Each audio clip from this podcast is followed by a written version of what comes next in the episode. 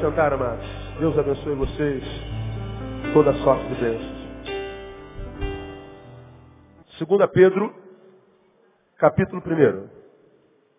Para você que está vindo primeira vez, nós estamos desde junho é, ministrando aos irmãos uma série de palavras que nós denominamos suplementos da fé cristã e tomando por base 2 Pedro capítulo 10 que nos ensina que é possível que ainda que sejamos portadores de fé verdadeira, sejamos é, lavados, remidos pelo sangue de Jesus, ainda que tenhamos saído das trevas e tenhamos sido plantados no reino do Filho do seu amor, ou seja, fomos abençoados pela fé, a fé é dom de Deus, ainda que sendo portadores da fé em Jesus, nós podemos fracassar. O fracasso é uma possibilidade. Ainda que isso soe esquisito, porque a gente vive no meio, o meio cristão, o evangélico, ele é muito triunfalista. A gente vive muito de jargão. Né? Vitória nossa pelo sangue de Jesus, mil cairão ao teu lado, dez mil ao teu direito. E a gente vai de jargão em jargão. Tudo palavra de Deus, mas a gente não sabe fazer exegese dela. A gente acha que esses jargões estão é, proclamando para nós uma verdade que não é verdadeira. Qual? De que a gente, quando tem fé, a gente vence tudo, que a gente não sente mais dor, que a gente está vacinado contra fracasso, que tudo vai dar certo e que a gente é colocado numa bolha anti-frustração. Não é nada disso que a Bíblia diz. Nós mostramos aos irmãos, ah, desde junho temos mostrado aos irmãos que é possível que eu tenha fé. E a despeito da fé, meus planos não se cumpram. Ainda que eu tenha fé, eu faço prova e sou reprovado. Eu estou casado, é possível que o meu casamento acabe. Eu estou andando na rua, é possível que o meu carro seja roubado. Aliás, Arnaldo acabou de me falar que o carro dele foi roubado.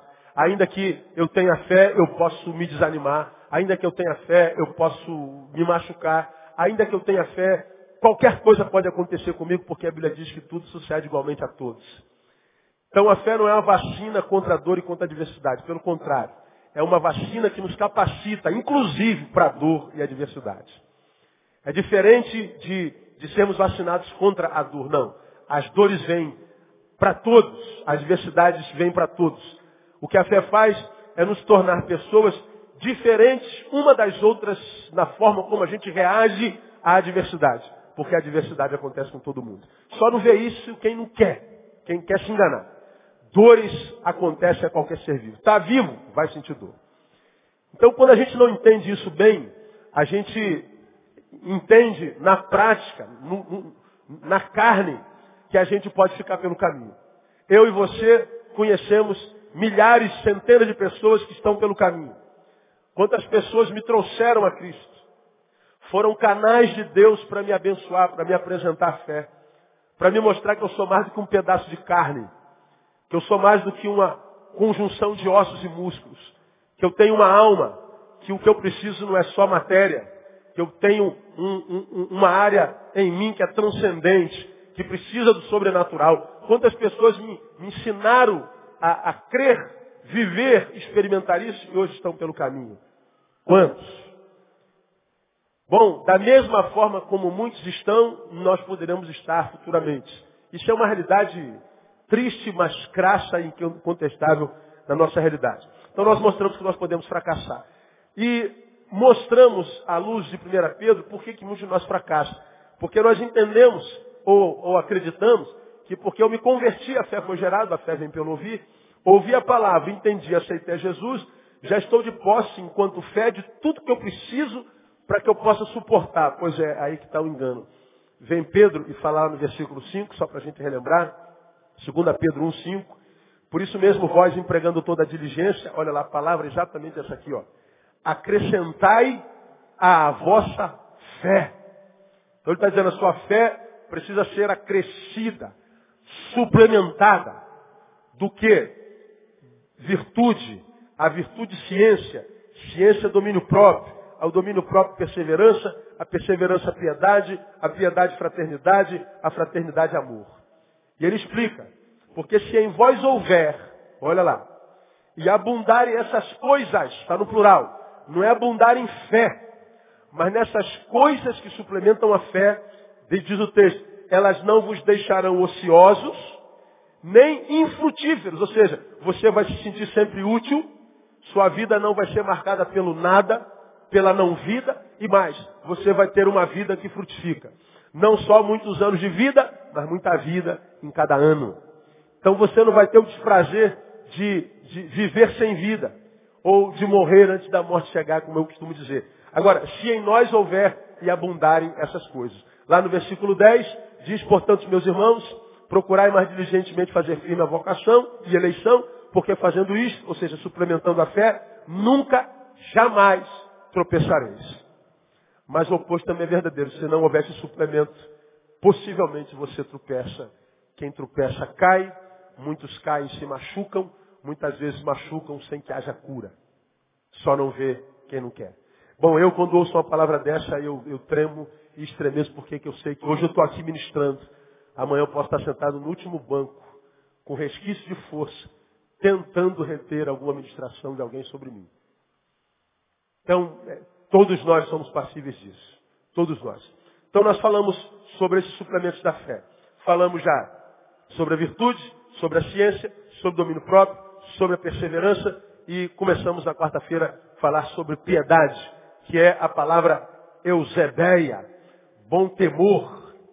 Falamos que piedade é reverência para com Deus, mas uma reverência boa.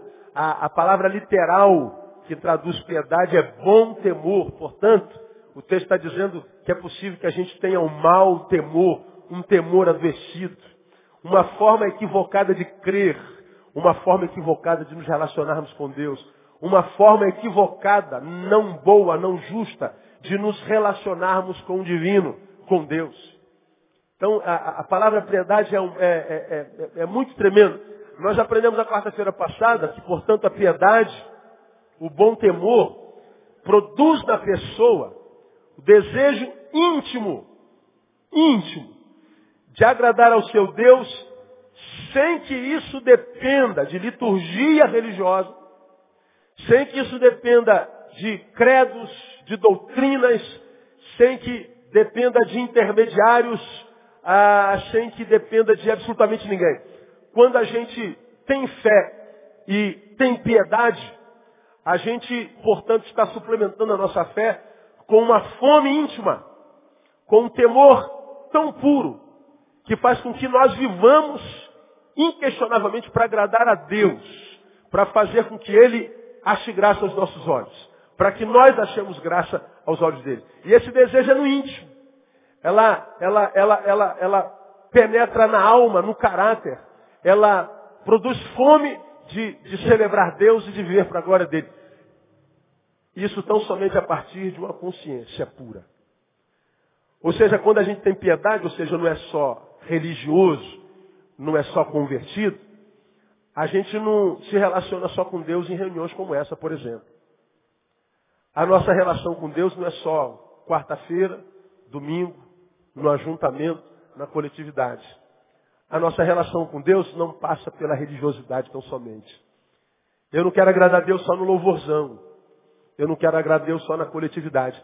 A minha vida, ela é cotidianamente uma vida de tal forma tomada pela piedade, pela eusebeia, que em mim foi gerado um desejo sincero, na minha consciência, de que a minha vida deve ser para a glória de Deus.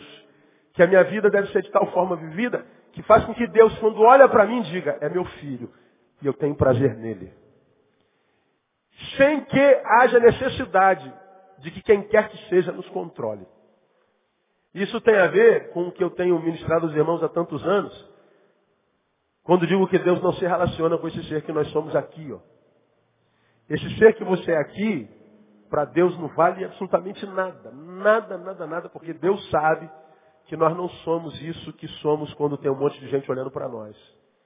Deus não se impressiona com o meu terno, minha gravata, com a minha espiritualidade no, no, no ajuntamento. Deus não está nem aí para esse negócio. Isso é bacaninha, bonitinho. Impressiona só irmãos. Mas Deus se relaciona com aquele ser que nós somos quando não tem ninguém olhando para nós. Você está cansado de ouvir isso aqui. Portanto, Deus não se impressiona com a espiritualidade de ninguém na coletividade.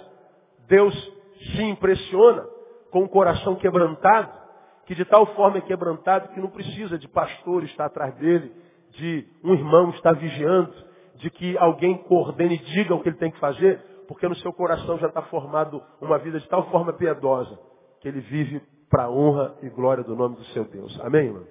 Isso tem a ver com andar na presença de Deus o tempo inteiro, na perspectiva que a gente sabe que Deus não habita em templos feitos por mãos de homens. Deus não mora nesse tabernáculo. Deus está inserido em toda a sua criação. Toda a terra está cheia da glória de Deus. Então, onde você estiver, Deus está ali. A Bíblia diz que os olhos do Senhor estão onde? Aonde? Em todo lugar. Tudo. Então, o piedoso, ele tem essa consciência. Os olhos de Deus estão em todo lugar. Então, nesse lugar onde eu estou, seja lá que lugar ah, venha ser este, naquele lugar Deus está me vendo, eu tenho que agradá-lo ali. Isso é tremendo. E aí, na quarta-feira passada, eu falei sobre presença de Deus. Perguntei aos irmãos para que você respondesse para si mesmo. O que te traz a presença de Deus? Quando você imagina estar na presença de Deus, o que, que te leva até lá? Você vai à presença de Deus por causa de Deus ou por causa de si mesmo? Porque como eu falei, inclusive, no início desse culto, muitos de nós só somos movidos para a presença de Deus porque a força propulsora é uma dor, é uma perda, é um fracasso, é uma doença, é uma adversidade. Ai meu Deus, preciso procurar uma igreja que eu estou mal. Ai, preciso arrumar uma oração, arrumar uma mulher que ore por mim, uma mulher de coque aí que faça uma oração por mim, porque eu estou mal. Aí a desgraça me empurra para a presença de Deus. Pois é, alguns de vocês se frustram, porque Deus não abençoa em grande escala, só que isso não aparece na televisão. Na, na televisão só aparece quem diz que ele abençoou. Agora, quem foi e não recebeu nada, não mostra. Aí você acredita que todo mundo que entra na presença de Deus é abençoado e consegue o que quer. Aí você vai para a presença de Deus, diz assim, agora Deus vai mudar a minha vida, tua vida não muda, você fala assim, Deus não é bom. Pois é, porque Deus quer saber, não se você está na presença dele ou não, tão somente. Deus, saber, Deus quer saber o que, que te trouxe aqui. Você está na minha presença por quê, Neil? Ah, porque eu estou doente, preciso de cura. Então você está na minha presença por causa de você. Você não está na minha presença por causa da minha presença. Você está na minha presença por causa de você. Porque quando você tinha saúde, Neil, você não vinha à minha presença. Quando você estava empregado ganhando 10 mil reais por mês, você não vinha à minha presença, Neil. Agora você está desempregado, Neil, devendo ao sogro, à sogra, ao padeiro. Agora você está aqui na minha presença, Neil. Pois é, a possibilidade de você se frustrar é muito grande. Muito. Porque o que Deus quer de nós não é a relação de patrão e empregado. Geralmente nós somos o patrão, ele é o empregado. Porque eu vim ele tem que me servir. Por quê? Afinal de contas eu dei uma oferta. Afinal de contas eu estou sem fumar três meses, né? Afinal de contas eu tenho andado certinho, não bati na minha mulher esse mês, pô. Beijei meu filho, estou me comportando direitinho, titio. Aí você acha que Deus é um idiota como a gente que acredita que quando a gente faz uma boa obrazinha, ele se torna nosso devedor. Aí eu tenho visto crente se suicidar. Tenho visto crente vivendo à base de caixa de diazepam, de apliquitil. Gente desistente da vida vivendo só de aparência. Mesmo servindo um Deus do tamanho do nosso. Do tamanho do nosso. Porque ensinaram você a se relacionar com Deus de forma errada. Deus, o nosso Deus, irmão, diz a sua palavra, detém todo o poder que há no céu, na terra e debaixo da terra. Amém, amado? E o melhor disso é o quê? Ele te chamou de filho. Fala assim pro irmão, tu não é pouca coisa não, cara, tu é filho do homem. Diga para ele. Diga assim, eu sou filho do homem. É, eu sou filho do cara. É isso aí. Agora, o que, que um pai quer com seu filho? O pai quer relacionamento, o pai quer intimidade. O pai não quer aquele filho que só se aproxima dele quando a mesada acabou. Ei, pai, beleza? Libera cinquentinha aí. Só se lembra dele para pedir, só se lembra dele para tirar, não. Piedade não é isso. Piedade é o seguinte, eu estou bem, estou mal a perdi tudo, estou desempregado, estou engordando, o cabelo está revoltado, a mulher foi embora, meu cachorro me mordeu, está tudo errado. Eu estou aqui exaltando e bendizendo o nome do Senhor. Mas o Senhor mudou a minha sorte, me deu um cachorro novo, me deu um namorado novo, consegui passar no concurso público federal, estou ganhando 20 vezes mais do que ganhava. Meu vizinho teve um carro roubado, eu comprei um novo, aquele molho grande que tinha sobre mim, né? Caiu, e eu estou reinando em vida. E eu estou aqui, ó, louvado seja o nome do Senhor. É a piedade de Jó. O Senhor deu, o Senhor o tomou. Bendito seja o nome do Senhor. Ele está dizendo, Deus, eu não dependo das circunstâncias para estar na tua presença. Eu não dependo que aconteça alguma coisa comigo para que eu esteja na tua presença. Porque eu estou na tua presença por causa da tua presença e não por causa da minha presença ou por causa de mim. Eu não estou na tua presença por causa daquilo que você pode me dar, eu estou na tua presença por causa daquilo que o Senhor é. Quando de fato a gente alcança isso, nós estamos vivendo uma vida piedosa. Agora, enquanto isso não é realidade, irmão, vai viver frustrado, mesmo que não goste de ouvir isso. Há quem gosta de se enganar, não é? Então, vão se enganando. Como eu só tenho uma vidinha para viver, eu tento viver na verdade o máximo que eu posso. Não dá para viver na verdade 100%, não tem jeito, né? Porque aqui, por exemplo, nós estamos a mentir, estamos vestidos. O nosso corpo nasceu com roupa. Né? A gente só está com roupa por causa do olho do outro.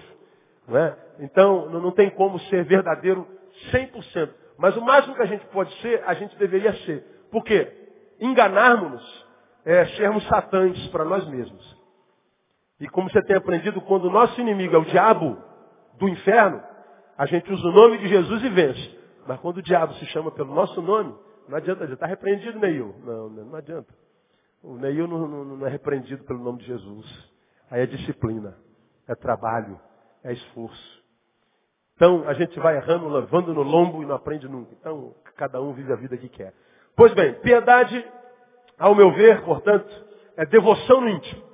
E devoção no íntimo, para mim, é exatamente o oposto dessa vida pós-moderna, contemporânea que a gente vive, que é a correria tremenda. Essa correria desenfreada, agenda atribulada, eu sei que é agenda atribulada, esse vulco-vulco dentro do qual a gente vive, o dia, 24 é, horas não dá para mais nada. Não tem tempo para nada. A gente acorda, pisca, já está acabando o dia e a gente não fez nada. E essa correria desenfreada rouba de nós a capacidade, a possibilidade de piedade. De andar na presença de Deus, nem que seja por um tempo. Na presença de Deus a gente está o tempo inteiro. Mas separar um tempo para dialogar, para falar com Ele. Ele fala conosco pela palavra, a gente fala com Ele através da oração. Quando a gente vive essa vida correria, não há tempo para meditação, para quietude. Não há tempo para devoção. A gente está demais preocupado em ganhar dinheiro, em se dar bem, em, em, ter, ter, ter. E aí, na ânsia de ter, a gente deixa de ser. E descobre que depois que tem tudo não sendo, tudo que a gente tem não vale nada. E aí a gente perde a saúde para ganhar dinheiro. Aí quando descobre que está com dinheiro, mas sem saúde, gasta todo o dinheiro para recuperar a saúde que tinha. Meu Deus, como é que pode um negócio desse, cara? Você se matou para ter o que tem, agora tem, não adianta nada, na é verdade? Lutou para chegar lá, agora está lá, e lá está infeliz.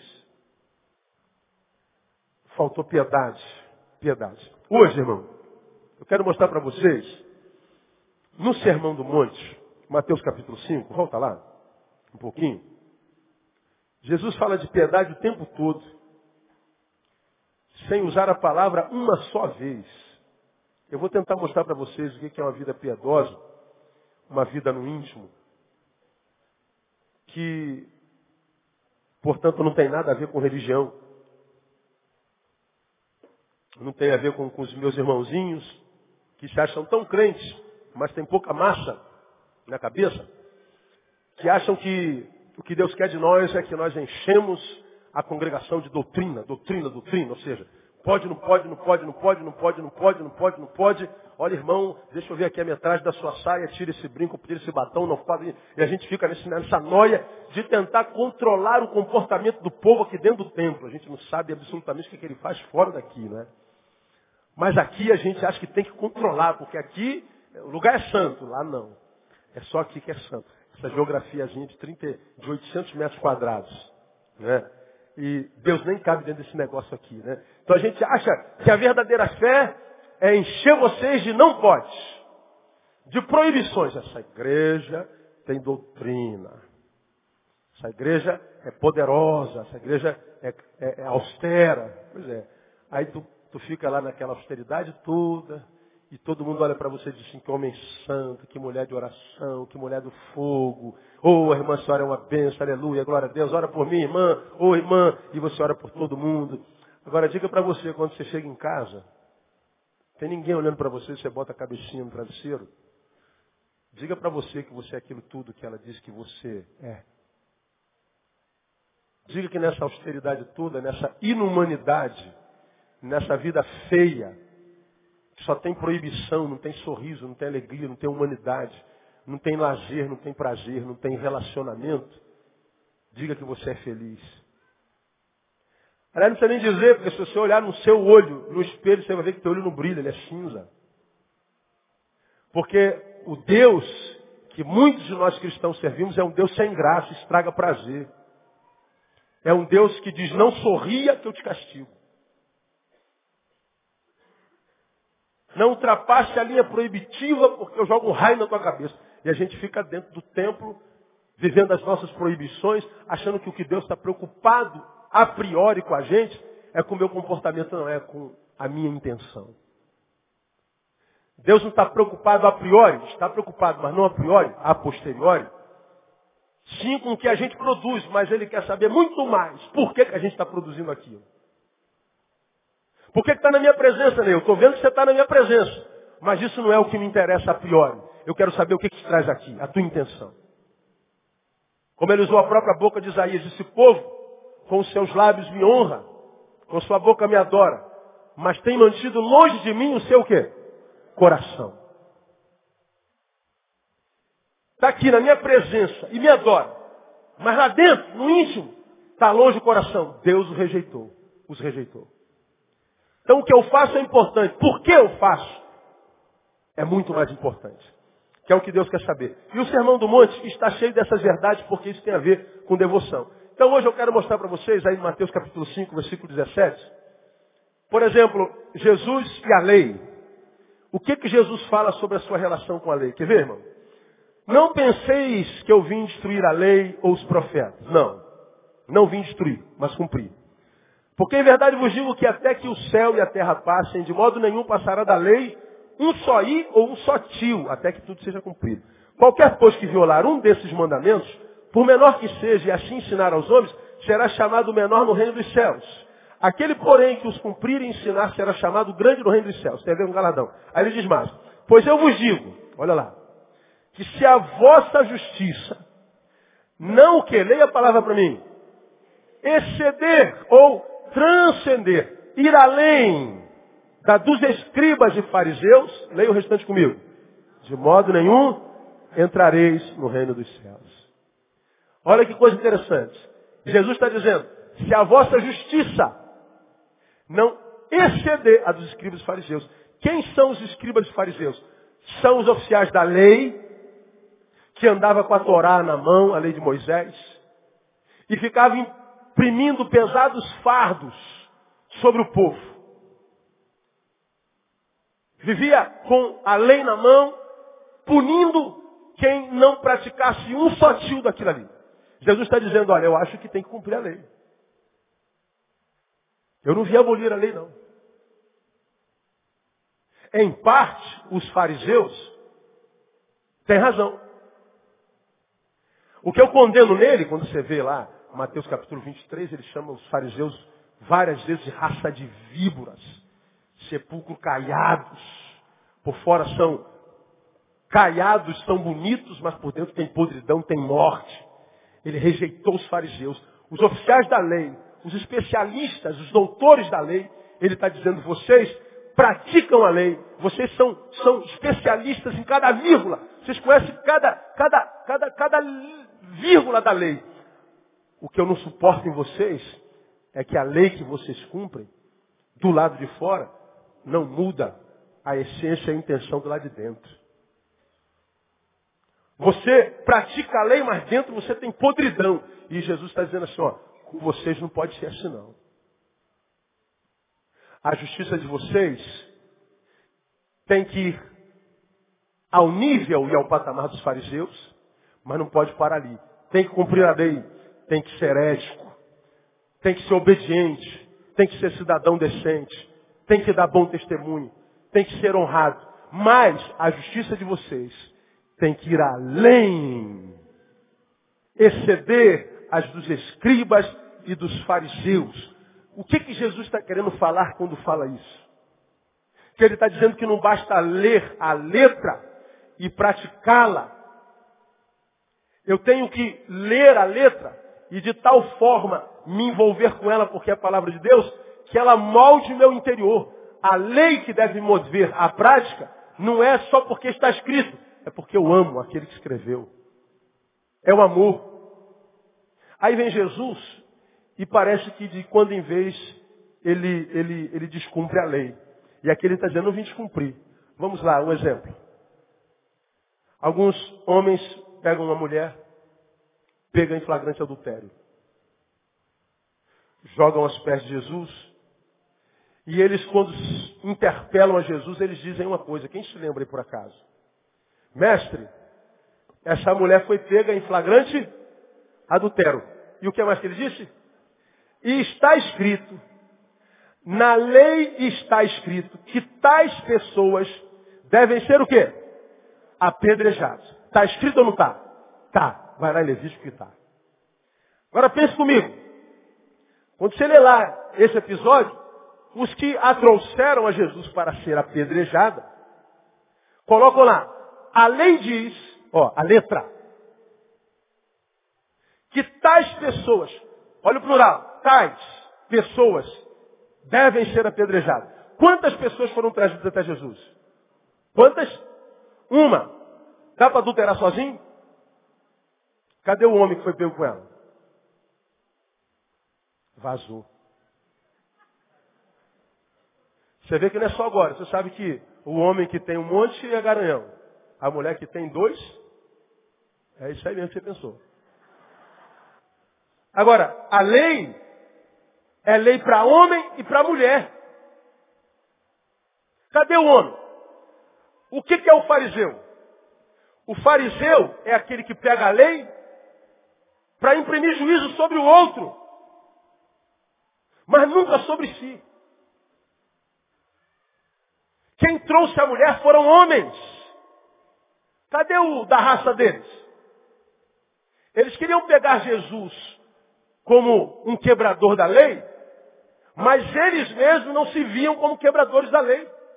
Que Jesus está dizendo o seguinte, olha, vocês que amam tanto a lei, ficam apontando o erro dos outros, como se é, isso fosse santidade, vocês ficam escandalizados com a roupa do outro, com, com o brinco do outro, com a tatuagem do outro, com a vida do outro, com o cabelo do outro. Você acha que isso impressiona Deus? Como quem diz, está vendo, Senhor? Como é que eu fico indignado com o pecado, como se quebra a lei? Não penso que Deus se é, é, é, é, impressiona com isso não, porque Deus sabe que você também quebra vários, vários tipos de lei.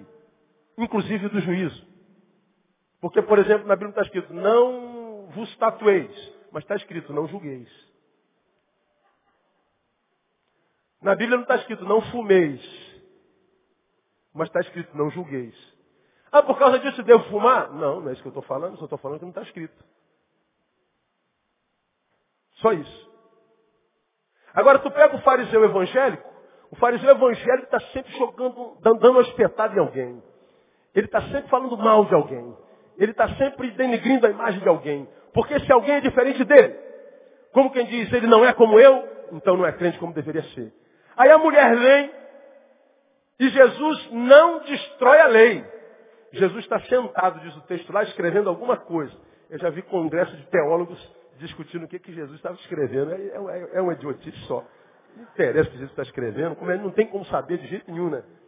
Aí tem alguém que diz que aquele símbolo, o peixinho, é, é o que Jesus estava fazendo naquele dia, daí saiu o peixinho dos cristãos. Mas não é nada disso é verdade, não, é elucubração, viagem astral. Aí, Jesus está aqui, aí cai uma mulher do lado dele. O que foi, gente? Essa mulher foi pega em flagrante adultério. A lei diz que ela tem que ser punida. Jesus não se levanta, não, ninguém vai apedrejar ninguém, para com isso, vamos, a lei acaba aqui. Não, não Jesus, Jesus continuou escrevendo e falou assim, é o que está escrito? É. Então, como quem diz, apedrejem. Né? Eu imagino a cena como que alguém já pegando pedra na mão. Peraí, Antes, deixa eu só dizer mais uma coisinha. Quem não tiver pecado, faça o quê? Quem não tiver quebrado nenhum tópico da lei, atire a primeira pedra. Como eu já preguei aqui, você se lembra disso? Minha concepção, e como também já, já viu te percebendo, o fariseu é tão hipócrita que se o que Jesus tivesse dito, quem não tem pecado atire a primeira pedra, se fosse só isso, talvez ela morreria apedrejada, porque o fariseu não se enxerga. Porque ele acha que servir a Deus é cumprir lei. Então eu cumpro todas as leis, como jovem rico. Isso eu faço desde que eu era molequinho, Senhor. Então já estou no reino. Não, não. Falta só uma. Com Jesus sempre falta uma coisa, né, meu? Falta só uma coisinha, filho. O quê? É trabalhar aquilo que está no teu coração. Vai, vende o quê? 10% que você tem. É isso que ele diz? Vai, vende. E aí você vem e você terá um lugar no céu. O jovem se retirou triste e não teve lugar no céu. Ainda assim cumpria todas as leis. Cumpridor de todas as leis e ficou fora do reino dos céus. Quando Jesus fala assim, quem não tiver pecado, o que Jesus de fato está dizendo é o seguinte, quem de vocês não tiver pecado como dela ou com ela, atira a primeira pedra. Como quem diz, qual de vocês que quer apedrejar ela agora não deitou com ela? Todo mundo botou a rabinha entre as pernas. Vai que ela tem foto, né? Vai que ela tem alguma gravação, alguma testemunha, deixa eu sair. Aí alguém diria assim, Jesus quebrou a lei. Jesus quebrou a lei? Não. A lei de Jesus excedeu a dos fariseus. A dos fariseus diz, mata. De Jesus não diz, não mata. Jesus diz assim, mate se você tiver condição. Como ninguém tem condição de matar, Jesus aboliu a pena de morte e disse assim, ninguém pode matar alguém, ainda que mereça, porque quem vai matar merece também. Então quem merece morrer não tem direito de matar. Então ame. Isso é amor. Você vai ver, irmão, o sermão do monte nessas quartas-feiras. Impressionante. Eu estou impressionado com o Sermão do Monte. Leio o Sermão do Monte há 200 anos, com toda a minha exagero. Tem que exceder. A lei do cristão é o amor. O amor é piedade. Vida piedosa. Eu posso punir, mas sou livre para não punir. Eu sou livre para perdoar. Eu tenho direito a imprimir vingança, se for o caso. Mas não vou imprimir porque a Bíblia diz que minha vingança, diz o Senhor, eu retribuirei. Eu não devo me vingar. Não me vingo por quê? Por causa da piedade. Eu quero agradar o meu Senhor. Quero agradar aquele que eu reconheço como o Deus da minha vida. Ele plantou a fé pela palavra no meu coração e eu quero viver uma vida que o agrade com as minhas atitudes. Então não é quebrar a lei, é ir além da lei, é amar. E os frutos desse amor geralmente são perdão, segunda chance e não retribuir mal com mal. É o que Jesus fez com essa mulher. Ele não brigou por ela, ele só disse, olha, se a lei diz, por favor, cumpra a lei. Agora, tem condição você moral de cumprir a lei? Quem tem? Quem tem? Quando a gente pega um casalzinho de, de adolescentes que adulterou e engravidou, burrão. Aí o pastor, como a gente vê o tempo inteiro, fala assim, nós não podemos tolerar o pecado na igreja, vocês vão ter que confessar lá publicamente. Aí vem um casal aqui na frente. Irmãos, pecamos contra Deus perante os irmãos. Eu, eu, eu, eu, eu botei o pintinho no buraquinho errado, fora da hora, e engravidou. E nós estamos aqui pedindo perdão, irmão. Olha, parece um negócio bacana, né, irmão? Poxa, que igreja que prima pela santidade, né? Essa igreja prima pela reverência. Está lá botando no lugar aqueles adúlteros. É assim que tem que ser. Tem que ter ordem nessa, nessa jossa aqui. Que é isso? Isso aqui é a casa de Deus. Pois é. Quantos irmãos perdoam o casal adúltero? Amém. Todo mundo perdoa. Tem um monte de adúltero sentado aí, julgando o irmão. Um monte de gente aí, ó, trepando adoidado. E pior, quando me vê falando assim, trepando, como é que pode um pastor usar uma palavra dessa no púlpito? Fico escandalizado. Então tá, eu uso, estão se conhecendo. Fica mais gospel, né? É a mesma coisa. Aí eu estou dizendo que pode, não é isso que eu estou dizendo. Eu estou dizendo que eu não vou jogar um pecador na mão de outros pecadores. Eu não vou jogar um, um, um, um santo na mão de, de pecadores. Porque pecador não é quem peca, não, irmão. Pecador somos todos nós. A gente não é pecador quando peca. A gente peca porque é pecador. Diferente. Então, o problema não está em si no sexo dos meninos. Talvez também. Agora, no espírito que o julga, como se você não fosse igual a ele, fosse melhor do que ele. Aí, nosso tempo acabou.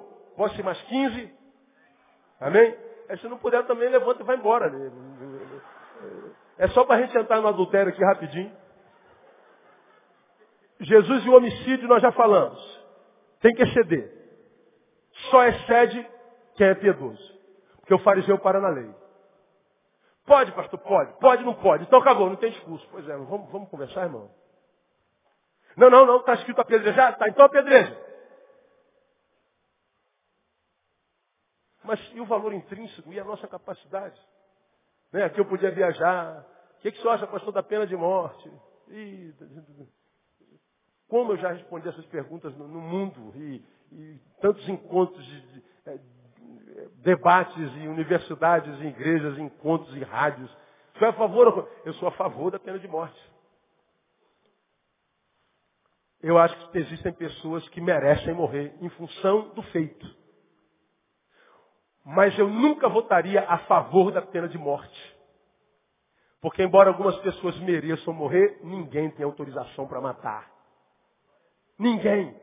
Senão Deus. Pastor, ele merece morrer? Acho que merece.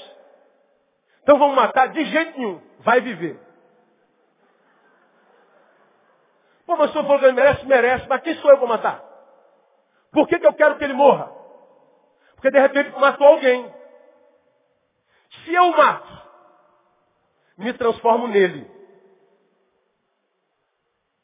Não, mas a lei permite. Não, mas para Deus não interessa a lei interessa o valor intrínseco da vida.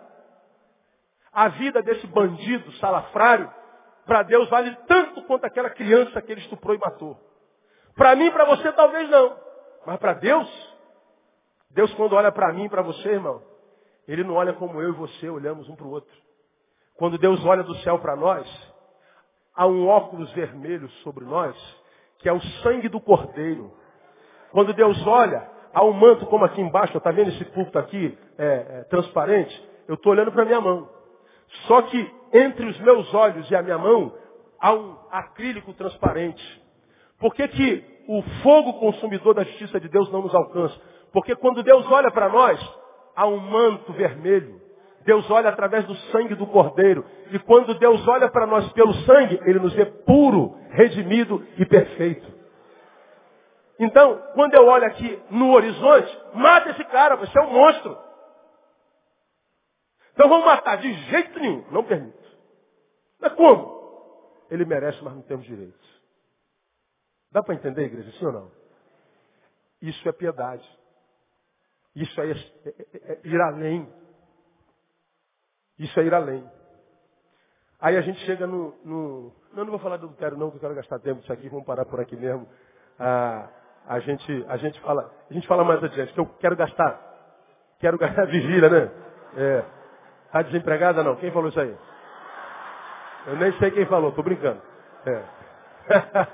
Brincadeira. Quem foi? Quem foi? Não, não precisa se deixar. A Kelly, tô brincando, viu, Kelly? Pelo amor de Deus.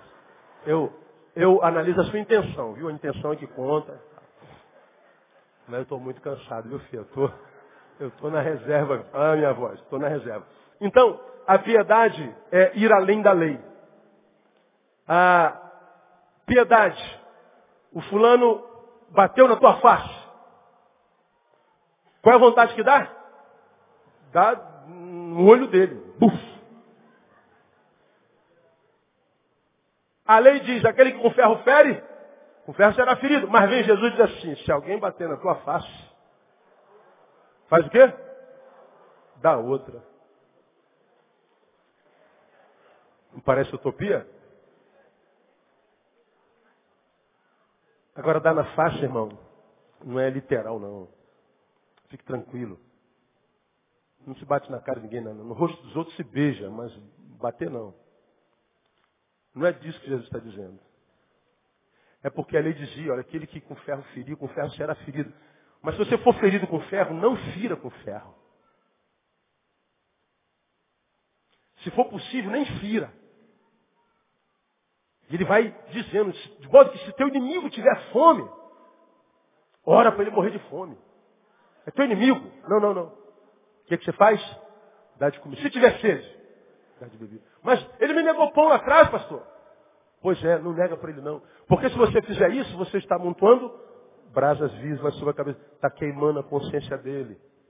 Então teu inimigo pode ter a consciência queimada e pode, quem sabe, passar a ser teu inimigo, ele pode ser, passar a ser teu amigo, ele pode melhorar e você terá ganho essa alma do inferno. Isso é ir além da lei. É entender que nós temos direitos e um dos nossos direitos é abrir mão dos nossos direitos para poder abençoar alguém. Então, à luz dos valores contemporâneos, o Evangelho é uma utopia. Claro que é, irmão. Porque como nós falamos nas últimas duas quartas-feiras, perseverar, o que é perseverar mesmo? Ficar para trás. Fique para trás. Está todo mundo se dando bem, está todo mundo quebrando tudo, está todo mundo é, metendo a mão, está todo mundo escorchando, está todo mundo se corrompendo. Persevera, né? Eu fica para trás. Pô, mas está todo mundo vindo, eu estou ficando para trás. Fica para trás. Se for para ir dessa forma, não vá. Fique para trás. Aí fica para trás da ideia de perda, não é, irmão? Você está se preservando. Deus tem algo melhor para você no nome de Jesus. Exemplifiquei e termino aqui como aquela pessoa que só come picanha gorda, picanha gorda, mal passada, sanguentada. Eu adoro de paixão.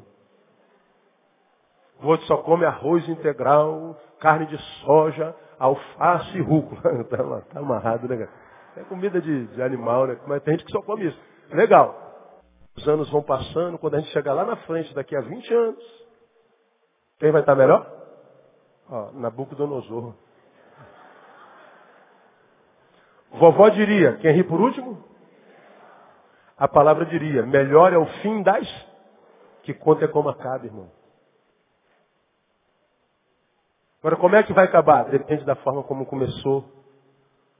Depende da forma como a gente vive o meio.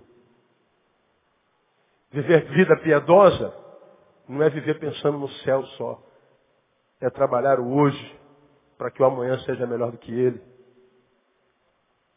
E quando o amanhã chegar, dá graças a Deus pelo hoje que virou ontem, transformá-lo numa escola para que o amanhã, que agora é hoje, se torne hoje melhor do que foi ontem, para que o amanhã, que é o depois de amanhã, se torne, quando se tornar hoje, o melhor hoje que a gente já viveu até hoje no nome de Jesus. Dá para entender, não dá? Pois é. Isso é piedade. Simples assim. O problema é que a gente foi criado numa religião e a gente acredita que o que Deus quer da gente é a visão narmânica. A gente quer o fogo caindo, a gente quer ver anjo para todo lado, a gente quer tremer, a gente quer babar, a gente quer correr, a gente quer voar, a gente quer mergulhar, a gente quer os rios, a gente quer. Tá bom, vai com Deus. Eu leio o Evangelho, acredito que o que Deus quer para a gente é que a gente acorde de manhã e diga assim, graças a Deus acordei de novo. Este foi o dia que fez o Senhor, alegrarei-me e regozijarei nele. Obrigado, Deus, eu estou vivo. Aí alguém fala, mas você, tá, você, tem um monte de problema, problema para resolver? Você está cheio de problema. Pois é, mas o meu Deus é maior do que meus problemas e eu mergulho nesse dia com otimismo. Pô, de onde você tira esse otimismo? Saber que Deus anda comigo em qualquer instância, em qualquer lugar, em qualquer adversidade. E mesmo nos meios dos problemas eu vou viver de forma a agradá-lo. Porque eu sei que se eu agradá-lo e ele se agradar de mim, eu sou filho amado em quem ele se compraza. E quando ele ama um filho, ele abençoa esse filho com toda a sorte de bênçãos, irmãos.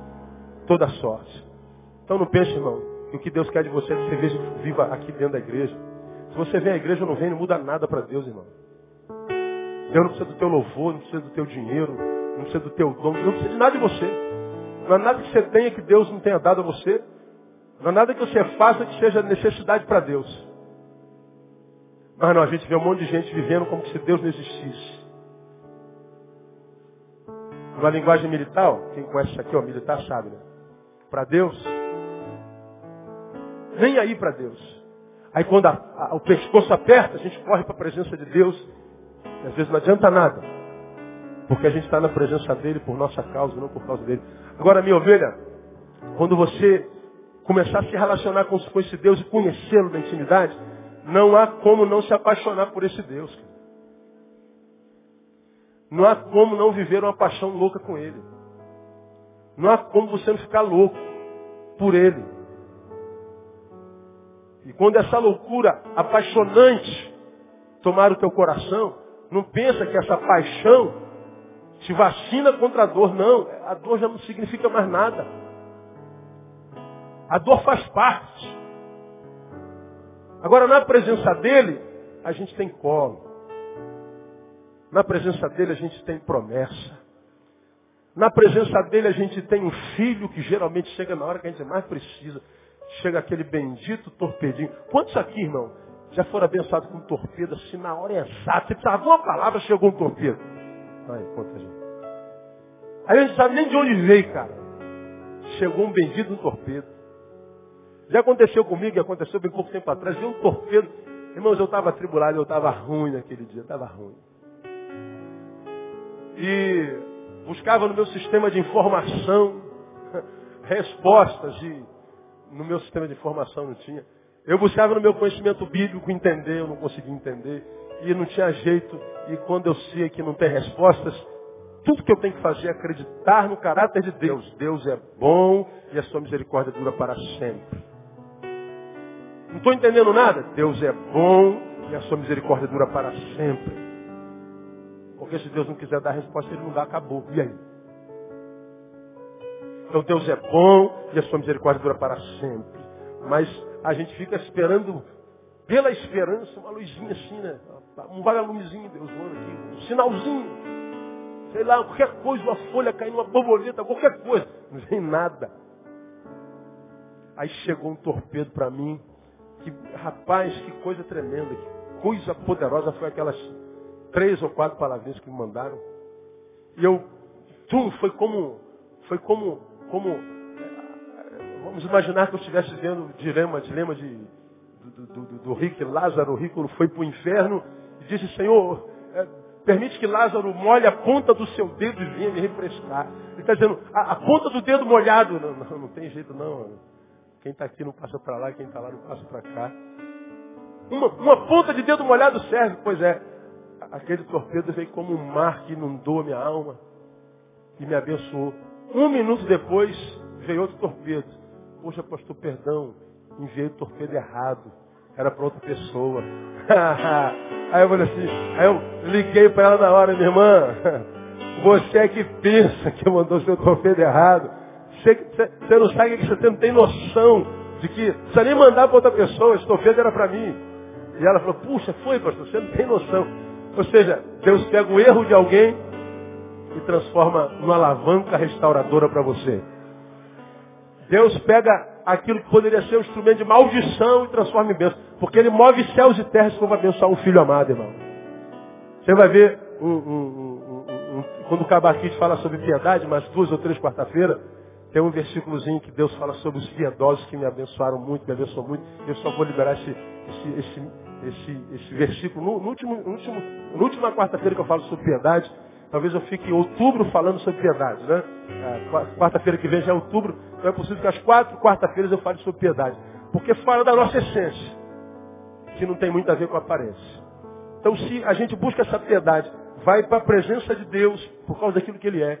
Se a gente é na lei, a gente a transcende e vai acima dos fariseus, então a gente já venceu o farisaísmo, a gente já venceu o legalismo, a gente já venceu o batistismo, o pentecostalismo, o presbiterianismo, toda sorte de ismo. A gente só se transforma em discípulo, isso basta. Só isso. Porque o texto diz, basta ao discípulo ser como seu mestre. Jesus não tinha religião. Então, se a gente tem essa relação com ele, irmão, fica tranquilo. Você não depende mais das circunstâncias. Venha o que vier, você sabe que ele está lá. De onde está o Espírito do Senhor, aí a liberdade. Que ele abençoe você com toda a sorte de bênção. Vamos aplaudir.